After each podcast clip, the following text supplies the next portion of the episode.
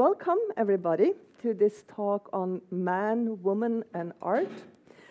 Uh, to be honest, I hope that we get to talk more about women and art than man, although I'm sure he will figure because he figures in these stories. But as you see, I'm already surrounded by four women. With me, I have the French author Marie Darrieussecq, who recently published a biography on German expressionist Paula Modersohn Becker, uh, which is just out in a Norwegian translation. Livet her er vidunderlig, or Life here is wonderful. And next to me, I have Danish Norwegian essayist and critic Susanne Kristensen, who last year published a biography on British surrealist Leonora Carrington, Leonora's Reise, or The Travel of Leonora. Uh, which looks like this and is also in the process of being translated into English right now. And behind me, I have two other women. I have Leonora and Paula themselves, and I call them by their first names here because that's what Marie and Susanne also does. Now I will call them by their first name as well. I hope that's okay. but they have reasons for, for calling them Leonora and Paula that I'm sure they will come back to. But here we have Leonora, a self portrait, and Paula, a self portrait. And I thought it would be nice to have the main characters of this talk representing themselves in the background while we sit here. Uh, I would also like to use the opportunity to introduce these women uh, through their self portraits. Uh, and I would ask Marie and Susanna to start with that, to say something about the authors, or the authors, the, the painters, artists they have written about through a comment on the pictures. So, Marie, do you want to start with Paula?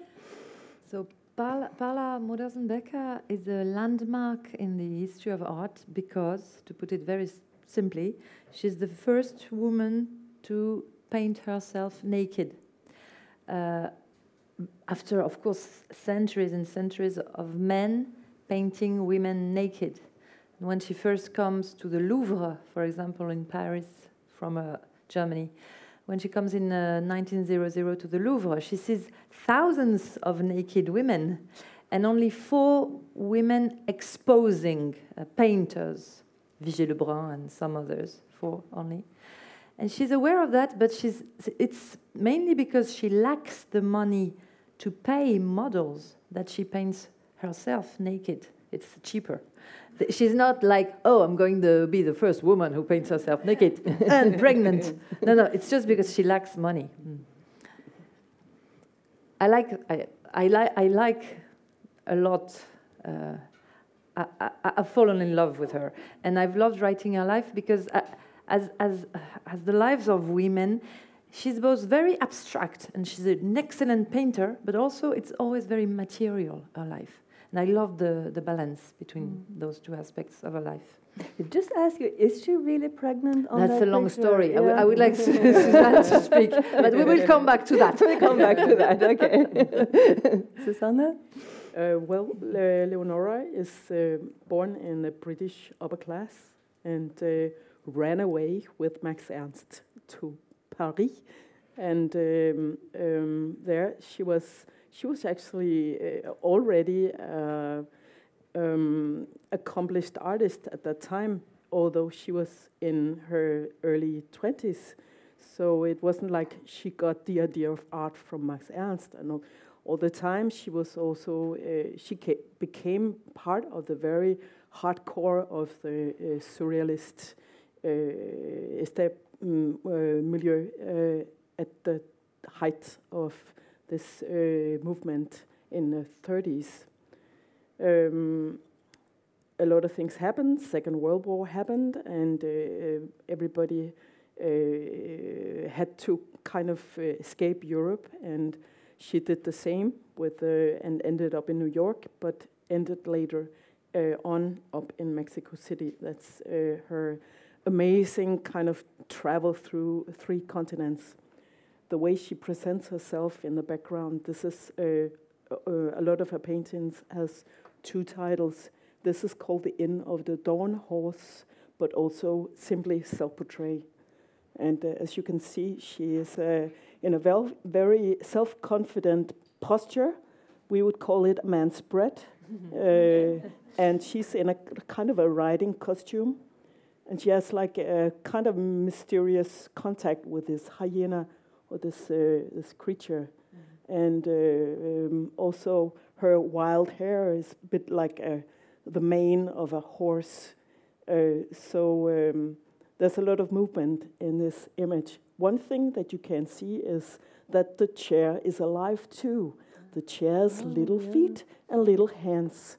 So uh, Leonora's way of toying with the hierarchies between human and animal and objects is uh, very typical. Um, and she's toying with these uh, hierarchies, also toying with the borders between life and death and we can talk more about that. Mm-hmm. We can yeah. talk more about we can talk more mm. about it right away. Mm. Actually, mm. we can mm. talk more about the mm. picture right away, and then mm. try to kind of wrap up the the stories behind them, and then we move on to talk more about your books, uh, because as you see, these paintings are really really different. They have really really artistic expressions, and your books are also very different in in in, in expression. I'm kind of like curious to know more about uh, more about that. But this painting by my Leonora, that's quite early, right? It's it's painted while she's still living in Paris before she goes up. And that's maybe kind of like her first statement or freedom as an artist or this is who I'm going to be kind of painting. it's a it? bit like a signature painting, mm -hmm. and it is a really early, so it's her first masterpiece in a way, and it is painted in Paris just before going to south of France. Max Ernst was married. He didn't really bother a lot, but Marie Berthe was a little worried that Max Ernst had a mm. new girlfriend. So uh, that's one of the reasons why they moved to south of France, and this is also really on the verge of the Second mm. World War. You sneak yeah. in the men right away. Yes. I, was, I, was, going to wait for that because mm. even though these are really, I have that mm. at the mm. end of my notes actually, because they mm. are really different. They have one thing in common that they're both kind of connected to men. Uh, and being kind of the, not only connected to men, but being having been in the shadow mm. of men during mm. their whole life. The other thing they have in common is that there has been a female collectivity uh, building around their characters and their lives and their work to, to, to resurrect it for our own times. And, and both of you are talking a little bit about that. Mm. Um, but maybe we should, if you see that, that horse there, I guess I just read it from your book. It's the same horse, it's the kind of like freedom escaping out of the window, running away. And maybe you want to, to talk, tell us about the hyena too. The hyena is interesting. Uh, this could be called uh, Leonora's signature painting. There's a story that could be called Leonora. She was also a writer, uh, and her signature story, at least to my knowledge, and, and one of the first stories, uh, my, my very first encounter with Leonora is a very short novel called The Debutante, uh, because Leonora is really writing uh, with a basis in autobiography but uh, in a completely different language than. He's, she's not reporting about the everyday life. She's using a magic kind of, uh, you could call it magic realism or surrealism uh, in a lifted space. But um, the story of the debutante um, is uh, really uh, her own experience. She came from from the uh, British upper class, and um, her parents were recently rich, and they really wanted to to keep their position or uh, even uh, consolidate their position in the upper classes.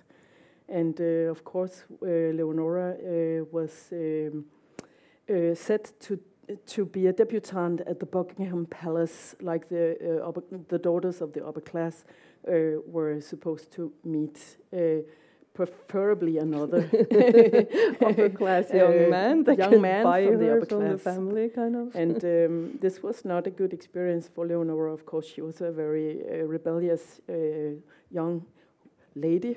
Uh, but um, in the story, she um, she goes and talks to her girlfriend, her friend, uh, the hyena in the zoo, and uh, they agree to switch places.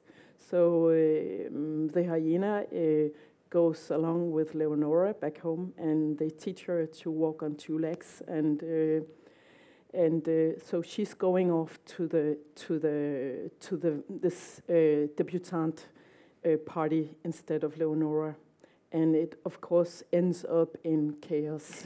um, so, and this is really typical of uh, Leonora's use of the animal and the juxtaposition of uh, ordinary hierarchies Mm. and, and her very insisting uh, view on uh, being anti anthropocentric, like not uh, having the image of the, the human as the center of the universe, but more in a kind of a chain link or a, a, in a different kind of relationship to animals. Mm. Yeah, you write a lot Yeah. about it in the book, Mm. and of course, a horse also has a Mm. longer history Mm. and kind of like that. Mm. But in in the- for Paula, it's not many animals, but it's it's No, it's it's children. it's children and pregnant women and breastfeeding women, and maybe you want to say something more about. Well, tha- uh, it's, uh, it's also a signature portrait when you get interested in Paula Modersohn-Becker. That's her masterpiece. Everybody agrees on that. We are not that numerous to, to know and love her, but it's getting bigger and bigger every day. And um, she married Otto Modersohn, an academic painter, a serious painter, in uh, 1900. And um, she was not pregnant. All of her friends were pregnant immediately, and uh, or sometimes before marriage. And uh, and she was not pregnant. She was not pregnant. They um, I I I wrote um, my biography is not in their bed. You know what I don't know, I don't want to write. So I don't know exactly how they did, but for sure she was not pregnant until uh, 1907, and that's a portrait on self-portrait naked, uh, dating back from 1906. And for sure, she's not pregnant. It's easy. There are photos at that time, and, and there are diaries. So she's not pregnant. But it's what we could call in France une autofiction. She wonders how she would look pregnant. Would that be cool or not? You know, like a little girl putting a cushion in a way, but naked. And, and I like it's a fiction, but it's also very naturalistic. It's a, the image of a five months pregnant woman. And she's not in real life. She will be the year after, and she will die of it. Uh, the birth goes very bad, and she dies exactly 18 days after giving birth. Uh, she's uh, given the right to stand up. She has stayed in bed for almost three weeks. And it's like a little party home. Her husband, her mother, her best friend, who is Rilke, the poet Rilke, everybody from the small village Worpswede, which is an artistic colony where she lives. Everybody gathers around her. She has her hair braided with flowers. It's December. There are December roses, and she's she's an artist. And candles, and she wears a white dress, etc. And when she get up, gets up, she's got a pulmonary emboli, and she crushes, She dies. And her last word is shada, which means "what a shame." Mm. You know, it's crazy. Mm. What a shame. She's only 31. She's extremely talented. She has painted more than 1,000 paintings that nobody saw. The few people who saw them thought they were bad. Uh, uh, she gave only one exhibition in a small town of Bremen, and the critic says it, it gives me nausea, or it's a, it's, it's a lady painting. You know, there was an exhibition of lady painting. It's not too bad, you know. So, and after that, the Nazis, because she dies before uh, the Third Reich, the Nazis call uh, this very painting and some others entartet, degenerate, okay, which, which we can be proud of for her. And they say the Nazi, she's a disgrace to the German woman. Because she was the first woman to paint herself not pure, innocent, or not, uh, you know, like a prostitute. It's not Olympia, and it's not the Madonna, you know. It's a woman. And really, I've, I've seen a lot of paintings. And when I saw these paintings, I thought, wow, it, who painted that? And she's a woman. Uh, there's something woman to woman in, her, in the way she looks at herself and in the way she looks at the other women. They are not sacred. They are not pure. They are not. She, she can be seen as erotic, of course, but not like a whore or, you know, she's not teasing. She's not, she's just standing on the planet and seriously.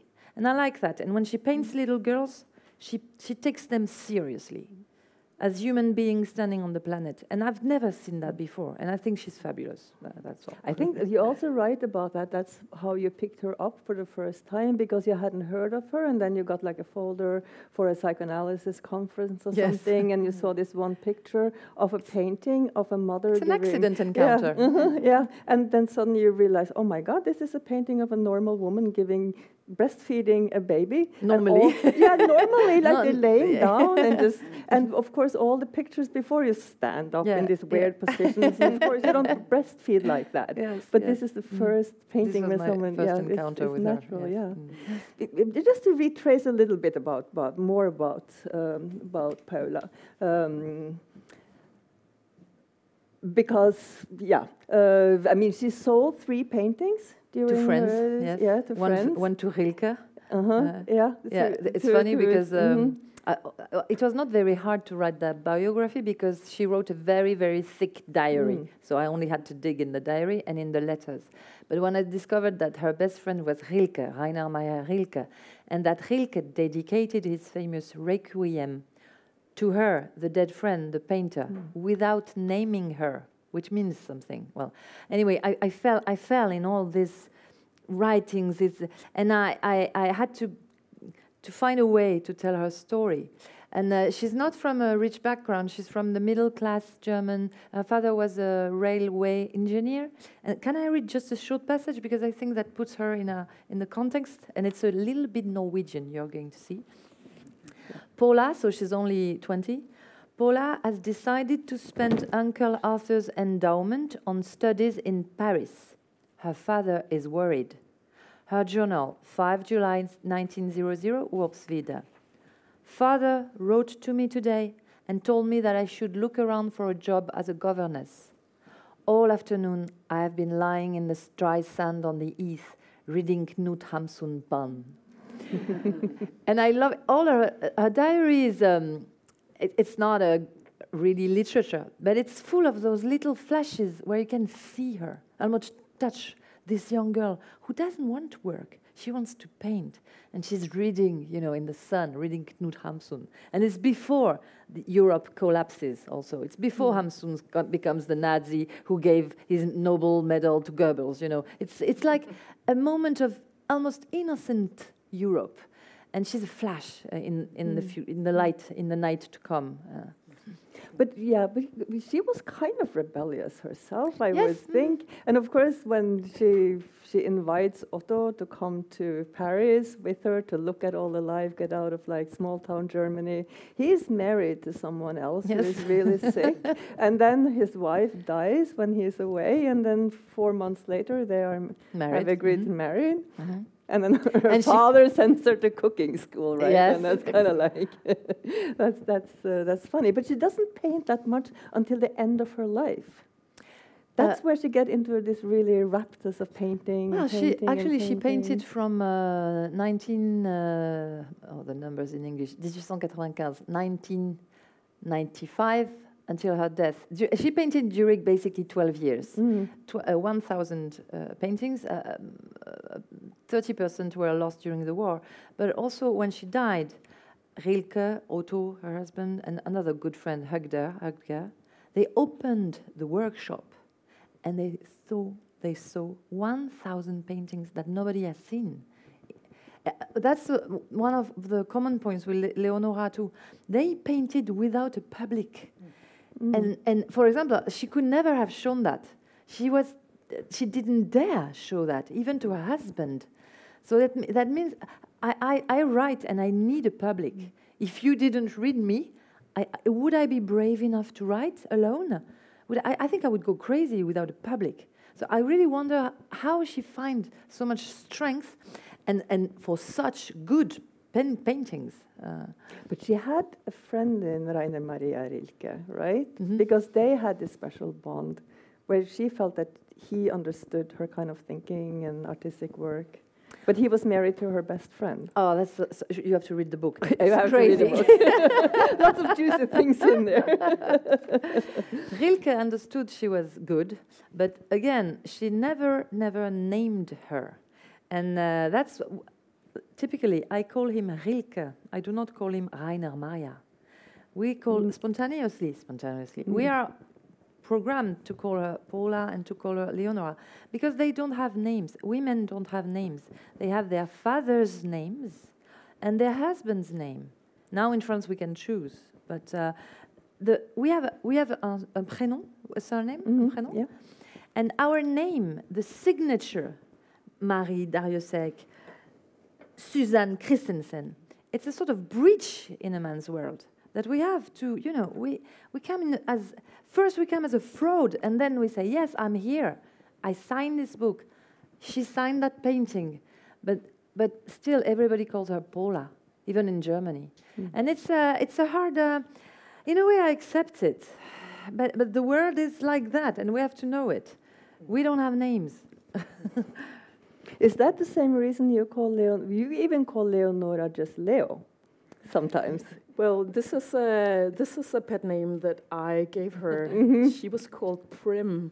Uh, I don't know if it was short for prima donna, but it was not. Uh, that was uh, within her family, and as a as a small girl growing up, um, Leonora. I, I guess it's um, it's a matter of uh, the empathy and the. Um, uh, the the the project in itself uh, being kind of calling Leonora back to life. Uh, The thing is, um, I start uh, kind of uh, retelling Leonora's kind of dramatic life, and then I go to Mexico because actually um, she was uh, the first time she was included in art history was like an an appendix to Max Ernst. And um, when she actually kind of disappeared to Mexico City, uh, that was really where she became an artist of her own, and that's where she also uh, disappears out of art history. So uh, I was a little intrigued by the, Mm. the late Leonora. And also, an Um, important mm. part in that history, of course, is that she's fleeing Nazism. Yes, Uh, because in between these two yeah, women, uh, the Nazis take over in Germany and they condemned Paula's paintings, but of Yeah. course they also condemned surrealism and the surreal- surrealist artists and, and and yeah. And they have to flee, and uh, and Guggenheim takes all these paintings with her to New York, and this Yeah. is kind of like savior. But you go go after her and find her there, and then she goes into a different kind of community with with other women, right? Uh, she gets married. She has Yeah. two children. yeah. Uh, we don't hear much about her husband in your Mm-mm, book, you know, but we hear a lot about her friends and her. Yeah, well, um, there were um, uh, Mexico was in a unique position uh, after the, the Second World War because they were not really taking part in the war, but they were uh, able to offer uh, refugees from Europe to come to Mexico, and this was the same time, of course, where Frida Kahlo uh, was here too, and it was a vibrant and live uh, artistic uh, community. And uh, one of her, uh, she had some really co- close friends that were also female artists, uh, Remedios Varo from Spain and Kati Horna from Hungary. Uh, and um, it is uh, like um, she's kind of creating a, um, for the first time, more or less, uh, uh, um, a surrealism with a kind of a female uh, uh, edge to it. And um, um, they were kind of in the outskirts of the of the real surrealist, Mhm. like, um, and they were included in the in the well-known, the most well-known exhibitions in Paris, but they they were kind of participating in the in the outer That Like sounds very in the in the in the background. They have like, like, a corner by themselves. Yeah, not really calling themselves Mm. serious, like not really uh, being very rhetorical about their. Um, but she got a lot of support from Mm, Breton mm. actually, and uh, it's interesting because one of her, um, I think, most interesting uh, stories is, um, well, what happened is uh, she moved to the south of France uh, with uh, Max Ernst, and they had like uh, one or two wonderful summers. There's a house there in Saint Martin d'Ardèche uh, where they kind of uh, decorated, they painted everywhere uh, in the house, and uh, it was a light, kind of uh, immersion between art and life. But um, she, Max Ernst was then put in prison, Uh, first, because he was a German citizen, so he was an enemy, enemy alien. And the second time, Leonora gets him out of the prison. But the second time, it's uh, the Germans are moving forward, and uh, so um, she kind of uh, has to give up the project of saving Max, and then she uh, kind of loses her mind. Uh, she's uh, really underfed. she only have like potatoes that she's mm. growing herself in the garden and some homemade wine, and um, she's she's freaking out uh, because of the the war is getting closer closer. So with a couple of uh, English friends, she uh, uh goes in a small car to uh, Madrid, and um, it's clear that she is. Um, she has lost her mind. Yeah, she uh, has a breakdown. Um, mm. Um, she wrote with the support later from Breton a report of her own uh, hospitalization in the north of France uh, called uh, Down Below. This is interesting, the relation with Breton, because uh, of course the surrealists was uh, kind of um, uh, hypnotized with a, a, utopian idea of insanity as a kind of a delirium and an escape into a magic world and a kind of a, a rebel position away from reality. And um, Breton wrote, of course, about Nadja. So he wrote about insanity, but not his own insanity, but Nadja, the street girl. And uh, Leonora actually wrote in a first, first person account of her own hospitalization in uh, north of Spain.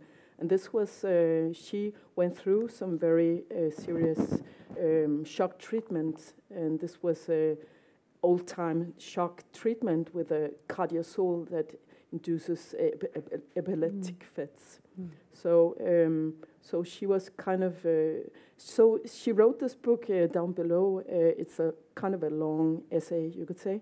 Um, also, still kind of believing in the magic of transformation, uh, even though she's also very clear about the intense suffering that she goes through, because she's fixated, she's naked, and the doctors are kind of viewing her and uh, she's in spasm, and it sounds just horrible. But uh, so uh, it's it's really interesting.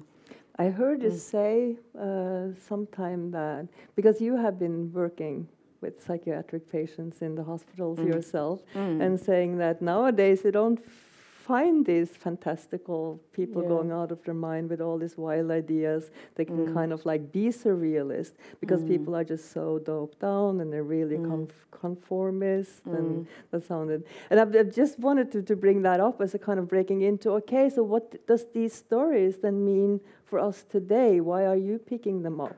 And that's a very prominent theme in, in your book because yeah. it's not only about Leonora. It's called The Travel of Leonora, but it's equal about your travel, uh, traveling to find Leonora, but mm. it's also about cultural work, uh, mm. what it means to, to be a writer today, not have mm. a steady income. It's mm. about depression, it's mm. about suicide. Mm. Uh, so it's all packed into to to to and the climate crisis, yes. even the, the yes. relationship to the animals. And can you say something about what do you think? Le- why Leonora, and, and why do you use her story to talk about these things? Yeah, well, uh, it was really, I didn't really uh, want to write a, a normal monography. Like, uh, it seemed that I would go back in time and kind of recreate, like you would make a movie, you would make a like an elaborate like stage set uh, that was typical of those times and so on. I wanted something different, and I really wanted the book to be also uh, with a kind of a cultural in the in the veins of cultural criticism, and so I'm more likely to try and reanimate Leonora and put her alive in, in the present times. Um, and um, uh, it's, a, it's a very strange kind of project, and I didn't know what I was looking for in Mexico, and I really failed in many ways. I really didn't have the money to stay for a very long time. Uh, the good thing is I hooked up with a with a kind of a group of researchers, like the, the people that really knew about Leonora and wrote very important books about her in the 70s and 80s. So I met uh, Susan Aberth in um, in uh, New York, and she was kind of looking at me, and then she was like, "Okay, I have all the connections you need in Mexico City. Go to this, go and talk to this person." And when I got to Mexico City, I tried to like uh, throwing out my little fishing lines, and nobody was there. They were not. This was actually on the day of the the Day of the Dead in the beginning of November, of course, for dramatic effect.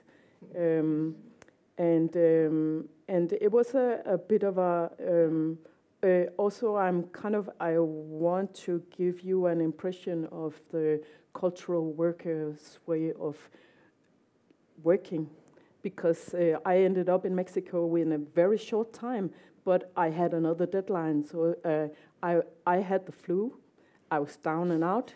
also, I had to write an essay for someone else about the patch Mode. So I'm really actually doing research about the patch Mode in uh, Mexico City instead about Leonora.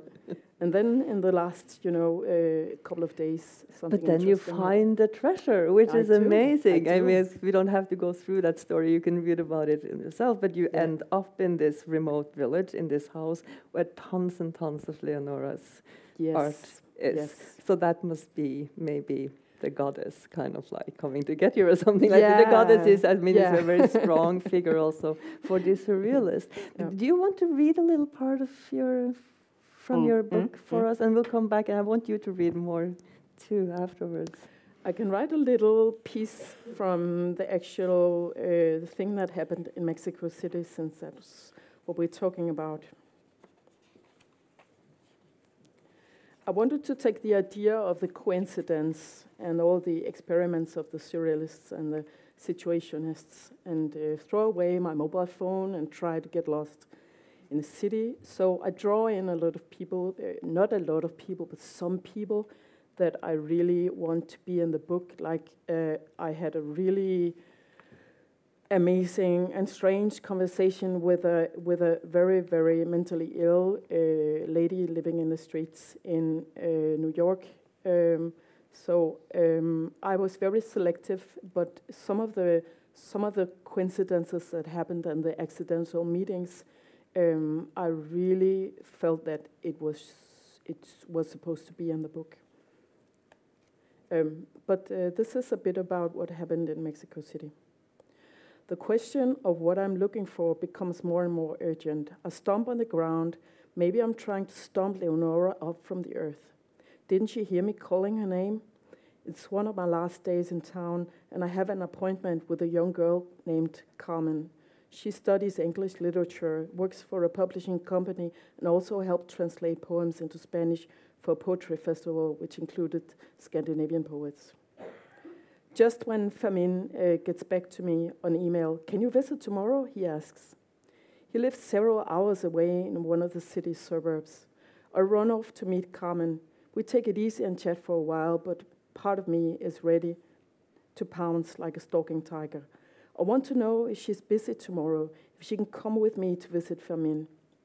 When I finally ask her, she looks at me strangely. Well, I'm actually going out there tomorrow. My parents live there, she says. Fermin is one of the sons of Plutarco, uh, uh, who grew up in Edward James' surreal, surreal jungle palace in Xilitla as a part of his adopted rainbow. This is uh, uh, complicated. This is, um, I should uh, not get into this. This is something he wants to show me, a few of Leonora's sculptures, no doubt, and it'll be interesting to meet him anyway. The following day, Ca- Carmen and I are on the bus, and are picked up by her mother at the bus stop. What is the address? I ask as we drive away uh, in Carmen's mother's car. Once I finally made myself understood, Carmen laughs and say, "Oh, that's the street I grew up in." So I'm not superstitious, but uh, I kind of started believing in magic after after this. Um, and then I'm so uh, lucky that I go to Fermin Lamasara's house in the outskirts of uh, Mexico City, and uh, they are at this moment kind of uh, mobilizing Leonora's art because they're making new museums. Uh, actually, already two museums and another museum coming up. So Fermin has all this art of Leonora's saved from a jungle home uh, where it was kind of decaying, and uh, um, so it was a very um in the last second, I got a really nice view, a, per, a private viewing of her art. I'd like to say that Yeah. um, uh, Paula Modersohn-Becker has the very first museum ever dedicated to a woman because her death shocked her friends so much. It was so sudden and horrible uh, that um, both her mother, Rilke, and other uh, artists around her uh, decided to um, ask bankers and mécènes to come and see this workshop that was so full of paintings. And one guy called Roselius, uh, who was the inventor of decaffeined coffee. Imagine the, the, the fortune. Roselius, uh, right after her death, decided to buy as much as paintings as they could and to build her a museum. And in Bremen, in uh, the museum opened in Bremen in, two, in um, 26, in uh, 1926, and just just in fact some years before the Third Reich uh, that uh, closed it, but uh, now it's open, of course, again. And if you have the if you're lucky enough to go to Bremen, go to see this museum, the very first museum dedicated to a woman artist, and you will see her masterpieces and feel who she was very very much. And also, I wanted to say that I'm I, I was so much in love with her and she died so young ex- exactly as you said. I, w- I wanted to e- evoke her you know to Yeah. come back. And uh, and uh, I, I at some point i realized that it was not enough to write about her life. I also wanted to show her paintings and I, i'm not a curator i'm just a writer but i had this crazy idea to convince a big museum in paris to show her paintings so i went to orsay the biggest they said no no no i went to the grand palais they were very honest. They said, unless uh, you, we get 300,000 visitors, more than the whole city of Bergen, uh, it's worthless. We won't do it. And then le Musée d'Art Moderne, which is at Trocadero, said, yes, let's do this. Let's try this. She's great. And we double our expectations. And I did the show with a professional curator, and we managed to get all these paintings from everywhere in Europe, a lot of them in private collections, some of them in uh, the United States, some of them who were uh, spoliated during the war to Jew families and never gotten back. There were stories, terrible stories. But in the end, we did a wonderful show in, in Paris in um, 2016. And, uh, and my book and the show, now you can see a lot of her paintings on the internet. But for sure, the, for example, here, the golden uh, background, it's golden, but it's also green. And, it, and, you know, it moves when you move around her. It's like... Um, uh, uh, quelque, comme une icône russe, like a Russian icon in a way. And you, of course, you cannot get that on a. On a I wanted her- to be as alive as, as she could. And do I have time to say one word Oh, about we have Paris? plenty of Yeah. time. Yeah, yeah. mhm. Because see, all, one of my, um, I I discovered her out of accident. I read her diary. I went on the internet, as we all do. I went to Bremen, of course, and back and back, and to some other German museums, where she's quite represented. In, in Germany, she's quite well known. Um, but uh, she, I understood that she went to Paris four times in her young life, short life. And um, I understood that in Paris at that time, at Montparnasse, uh, in the turn of the century, uh, 1900, that was the only place on the planet where young girls could paint on naked bodies. It was forbidden out of morality and religion everywhere else. So in Paris, in Montparnasse, at the time of Gauguin, of Modigliani, of everybody, Cézanne, etc., and the young Picasso, uh, American girls, Russian girls um, from, uh, from Prague, from London, from Madrid, from everywhere gathered to study the naked, naked painting in Paris. It was free, uh, no charge, at the Beaux Arts because it was a public school.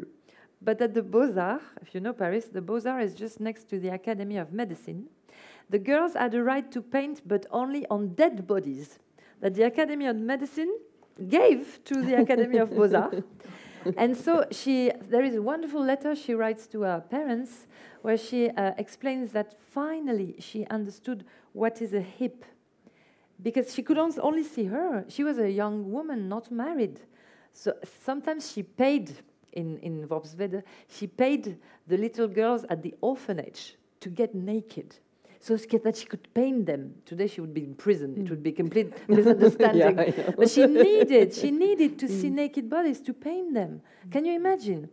And men, of course, could, could paint in Paris and in, in Berlin, in London, in many other academies. Men could paint naked women, but women could not paint naked women or naked men. And after Les Beaux-Arts, she went to a private academy that still exists in Paris, Colarossi. And um, that was very expensive, but she had a right to paint uh, living people alive, uh, men and women. But what's also interesting is that the um, women models were entirely naked, and the male models wore a little um, culotte. It's So almost like sand volleyball today, right? and the women has to wear like nothing. So all, all this, I also wanted to write this book to show how the struggle, the struggle she had to. She's she's not. I'm not te- telling she's a genius. I'm telling she's an excellent painter, as good as a lot of men painter at that time. So she deserves to be well known. Mm. But the struggle she had to do to be able to learn, just to learn how to draw, it's a. It's um, to me, it's a poignant. enfin, It's, it goes to my heart. Voilà. c'est, mm. I just wanted to pick up a little bit on that because that was something that struck me um, with the tone in your book. I mean, you, Susanne, you write a lot about depression mm. and, and really sad things, but it's, it's kind of like exuberant in, in, in one way when you kind of mm. like embrace in the end the goddess or the cyborg or the monster for the future. But in your your book, I, I feel this very yeah, the struggling, but also this sadness in, in some ways. And maybe it's linked, of course, when I read the paragraph about how she died, just got up. I mean, I had to read it several times because the shock of reading it made me not quite understand what had happened. So I didn't quite believe it.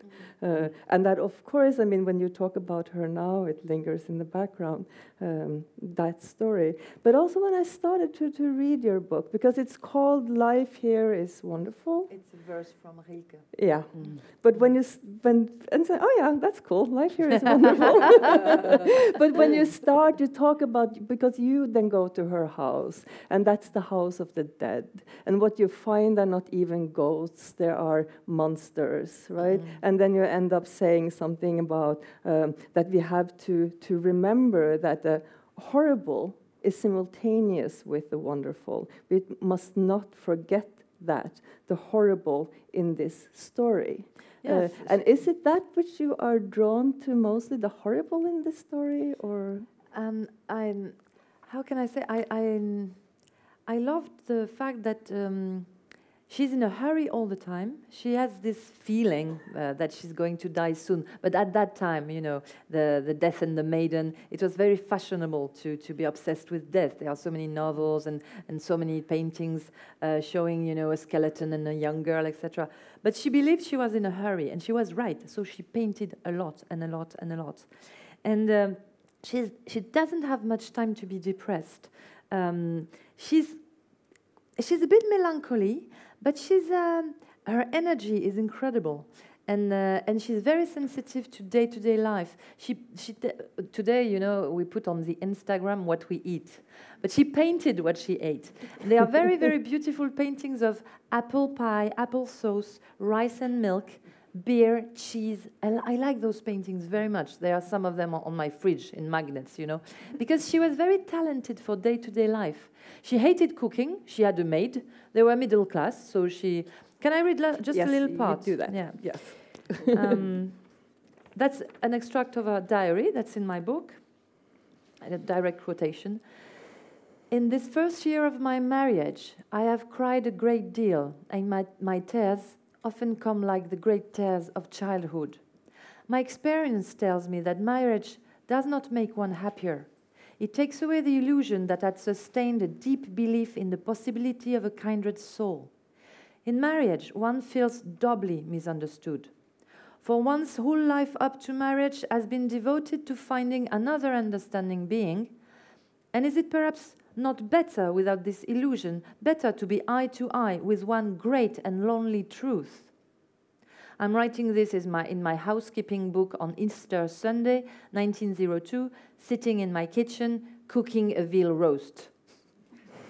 and I like that very much because she's metaphysical and wedding and marriage and maybe I shouldn't have married and, and, and solitude and a kindred soul and she's watching you know the veal cooking and that's so feminine and I like that very much and also I would like to add that it's Easter Sunday so the maid has a holiday so Paula has to cook not husband will, will not cook, of course. Otto will not cook, but she's cooking for once, you know, for once this bourgeoise is cooking and she cannot paint. And, she, and for her, not painting for one day, it's a disaster. And I understand her so well. But she's not exactly a victim, you know what I mean? She, she could paint all day if she wanted. She had a maid, and she, uh, her husband didn't like her painting, but accepted the fact that she was a bit strange and that she painted all the time, you know. and she could paint, in fact. Mm. But she did leave him. She lived, oh, she left him at least three times. Uh, he was very kind. He was very in love with him. Um, he al always uh, helped her financially. The problem, as it sounds like Virginia Woolf, the problem for her is to ask for money. He will give her money, but she has to ask, which is terrible. But she goes to Paris on his expenses. She probably has a lover in Paris. I don't know. Uh, and she paints and paints and paints and learns in Paris. And finally, she comes back to Worpswede because, in a way, she loves him. And uh, I like the story of this marriage, which is like a lot of marriage, a sort of arrangement, you know, and a sort of friendship also. And in the end, he gives her an ultimatum okay, you can come back, but we have a child. And she dies of it. And it's, uh, it's terrible. Yeah. Mm. yeah. And the child lives on for. And the child lived, lived on Mathilde for. Uh, she she died at 94 years yeah. old, very mm. old. Yeah, yeah. Mathilde. Yeah. But what to just come back to like in the end, like what what does these stories mean for us to today? Because I can sense in you this very strong desire to get her story known, to have people see her paintings. And I, I can recognize myself when I'm at conferences or teaching or here and there that people always quote other men and they always refer to other men. And it's all these wonderful women who have lived through history and done so much mm. and worked so hard and no one seems to remember them. Mm. And it's so important. I feel, oh, but we have to read them. we have to. Mm. What What is that about? Can but if I can say something, for example, mm. Hilma af Klint, the Finn, the Finnish painter, the MoMA has made a wonderful show with her paintings, and actually nobody knew her name 20 years ago. Perhaps in Finland or perhaps in mm. Scandinavia, I don't know, but really in France, Hilma af Klint, and Gabriele Münter, the wife of Kandinsky it's also getting a bit better. There is a strong movement at the moment that tries to uh, enhance, to focus on these women who were, again, not necessarily geniuses, but largely as good as the men we keep talking all the time. Okay, so there's a big movement at the moment. They mm. deserve it, and they are, they have to be studied at school, etc. Mm when I read your book, I, I got to get the sense that she is a genius. Well, I, I love her. I love her so much that I, of course, I think she is a genius. but I, I dare not. Uh, she, she has exactly the same age as Picasso, and she's going. They even crossed each other in Paris, and they, she's going towards Cubism. You can't really see it there, but uh, the, her last paintings go towards Cubism. She dies the year the young Picasso holds an African mask in his hands with Breton Mm. And it's the same mask, you know, the same mm-hmm. collection. Mm. And he understands that you can paint a face shown on, the, on all, all three sides, okay? And that's the beginning of Cubism. And she's just there. She's just there. Mm. And what a shame, yes, Schade. Because it, it lacks her some years to become a genius. She was so powerful. She, she, would have been a, an extraordinary painter, I'm sure. And what people say about her paintings, even in her own time, the people who, who look at them say they never saw anything like this it, it, it, it looks completely different from yes. anything else so she has this very personal kind of especially in the vision mm. of little girls again yeah. the, the solemnity the, the, taking them seriously as young human beings not pure or innocent or whatever if you compare to uh, um, the, the, wonderful uh, portrait uh, called puberty by munch in puberty she's about 12, 13, and she's like that. She's a bit embarrassed Mm. with her body. eh? She's got little teeth and she's, she's growing into a woman. She's embarrassed. She's got red cheeks, and there is a huge shadow over towering her. Okay, that's Munch. Oh, oh, let me breathe. Okay, no, her for all her little girls who are 12, 13, naked, or very often the orphans that she, she pays, they are standing, just standing, and you can see they are getting a bit bored because standing posing is it's a bit boring, you know, for a long time. It's just just standing. There's no speech about their purity or their embarrassment or whatever. They are a little bit sad. Very often they are poor, but there is something more. It's, it's as if they knew that the planet doesn't belong to them and that they are going to face a problem being women. But that, that's it. And Paula paints that. And it's incredible. I know you have a somewhat different vision for Leonora's continued uh, relevance for our time, uh, Mm. because she's not this. She just doesn't paint people just standing. She's also in Mm. this mythological world, much stronger than than Paula is. It's, Mm. it's a completely different Mm. vision, uh, which you then, as you said earlier, when related to the to the um, anti-anthropocentric, Mm, the mm, relationship mm. bet- between animals, and you also end your book fabulously, I think, with a conversation. Is not it right in the end, but towards the end, between like a fictive conversation between Donna Haraway and and Leonora Carrington. And I wonder if you could say something about that. It's a discussion of what what would you rather be, a goddess or a or a um, cyborg, basically. Yeah, that's. Uh, I put Leonora through uh, some some different things. I drop her in different scenarios and different scenes. So I put her into a scene from uh, Star Wars. I put her into this fictive uh, conversation with Donna Haraway. Uh, Donna Haraway. Um, well, let me see. Actually, I should start with Leonora. One of Leonora's big inspirations is a book called The White Goddess by Robert Graves, and this is kind of a um, a bit of a kind of a conspiracy theory uh, or a, a kind of a rereading of a myth, uh, looking back to uh, a kind of um, original uh, female goddess uh, idea of, or myth of a female goddess that were kind of uh, rewritten by the patriarchy, of course.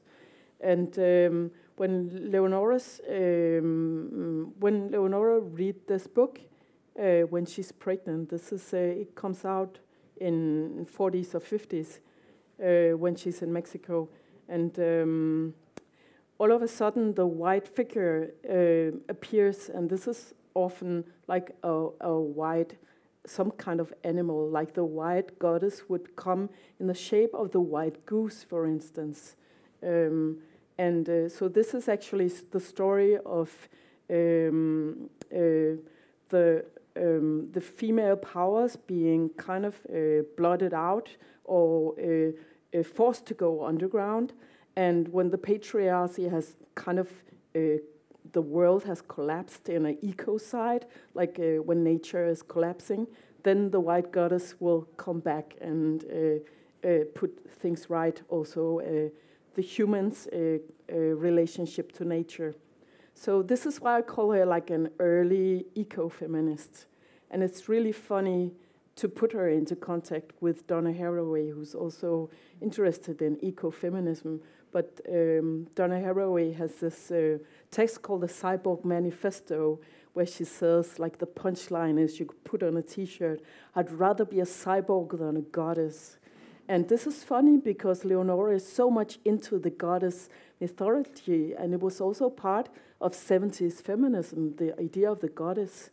Uh, and this is uh, like different trends in feminism uh, because the constructive uh, view of identity that is the cyborg, the, the uh, bricolage, or the, the, the social construct of gender kind of took over in the, in the 80s. And Leonora uh, was also kind of written out of history, also by the feminists, because she was well, magic realism is not really hot. It's very essential. Is she spiritual? Uh, what is this thing about the goddess? And um, she w- did not want to talk about her art, so she was also uh, hermetic in a way, and in that way, she's read like apolitical. And so she, the 80s feminism is not kind to her. They were So- known as the witches too, weren't they? Yes. Yes. Leonora is announcing herself. Uh, she's uh, saying uh, she meets uh, Gloria Orenstein, another, um, uh, maybe the first North American researcher who uh, knew about Leonora and her story and got in touch with, with her in the early 70s. Gloria Orenstein, um, um, uh, what, what was I saying? The Uh, witches. yeah, the witches. Yeah, when Gloria met Leonora, uh, um, she was uh, at the university and uh, writing about uh, feminism and art. And uh, when she finally met Leonora, uh, she was afraid of flying, but uh, they met each other, and uh, Leonora was doing like this, going, "I'm a witch," and this is so trendy. Like everybody's talking about witches today, so I'm like, Leonora should, you know, this is the time for Leonora. Mm. Even though it, that's the funny thing with the art world that you could have been dead for hundred years, and then all of a sudden in the art market, your profile is going up, and that's what's happening uh, actually to Leonora Mm. um, and to And m- and many um, of the female surrealists at the moment. And she Mm. could maintain a, mental health, uh, more or less, uh, during her lifetime. Um, she could, she couldn't really. That's a good question. Uh, she um, she was deeply traumatized by the hospitalization in north Mm. of uh, Spain, and uh, she was uh, also traumatized about the horrors of Europe, like many of the ex uh, the refugees from Europe at the time. Um, so she had like bursts of creativity, but I have uh, everybody who knew her and also studied her work say that she could spend like two years in bed just Wow. being like Mm. petrified and chain smoking and being not there. And so she died very late, right? very late. So you can chain Yes. smoke for two years and die at 100. yeah, yeah. Just relax. she was the last surviving, uh, like the original uh, group of surrealists. Yes. So she died in 2011. That's very late. for Yeah, it's surrealist, very yes. late. Mm. Yeah. Mm. And in her last years, all female, uh, different kind of female artists in the uh, in Europe uh, were starting to travel to interview her and so on. And also the Norwegian artist who made a small movie about her, Anne Kjersti Bjørn, Mm. who uh, also my one of my original inspirations. Or um, mm, I have to thank thank her for this wonderful movie called Ung Vakker og Begavet, eller Gifted Beauties. Uh, that is a very strange little movie from 2000 about the female serial. Isn't it older than that? No, Because I think it was very influential in my writing about Angela Carter as well. So I Yeah. have this idea, but we can discuss Yeah. that later. Yeah, I'm maybe we can look sure into that. because that was when I was here at the Writing Academy, Ah, so yeah. it was around 2000. Mm. But it's still 20 years Mm. ago, guys. Oh, it followed. yeah. me. I know, but it feels like it's followed my Yeah, life know, forever. Just a short question at the end. This, this, we have to stop Mm, very mm. quickly. But you mentioned auto fiction in the beginning when you were referring to, to this growing belly, and you have um, have an article in in Vagant when you talk about exo fiction and this idea that you write about yourself in writing about something someone else. That's so you and you also talk about art as a kind of externalization. Uh, that Mm. it's, it's really you. That can do you relate to that? Do you feel that you're writing about yourself in writing about Paula Becker? I, I had uh, two options. Uh, I could have written a novel with the few little things I knew about her, a novel, a fiction. But I realized that in France she was not well enough known. I, I could have done that with Picasso, for example, and inventing a love story, blah, blah, blah. But I didn't feel right, in every sense of the word, to write a fiction about her because we first needed to know who she was in reality. So I really wrote let's say a literary biography. It's really a biography. Of course, if you want to know more, you can buy very thick German biographies that are very academic and very good. But I wanted to, I'm aware that a life is not paper. We are made of words, but not only of words. We speak to each other, etc., but we are full of images, feelings, smells, memories, blurred things, you know, and tastes. And we are not made of words. Perhaps what, 15% words? We, we, we overrate words. We, we are made of so much more than that. So I, I'm aware that the biography is only words. I'm, I, there's so much lacking, and it was 100 years ago. So I write traces. I write what I can catch of what's left, and what's left is really that. Mm. So I, I, I, I, I- I try to give glimpses of her. And during this, I had sometimes to speak about my difficulties, but not so much about me. I, I, I wrote so many other books. I can write about myself. so no, no, this is really a book about her, about her, Mm. and me trying to find her, but not not more than that. Mm, mm. Mm. And your book, of course, has a lot to do with your own journey. But we actually have to stop now because our Mm. time is out. Mm. Um, but read the books, they are brilliant, both of them. I can highly Mm. recommend them.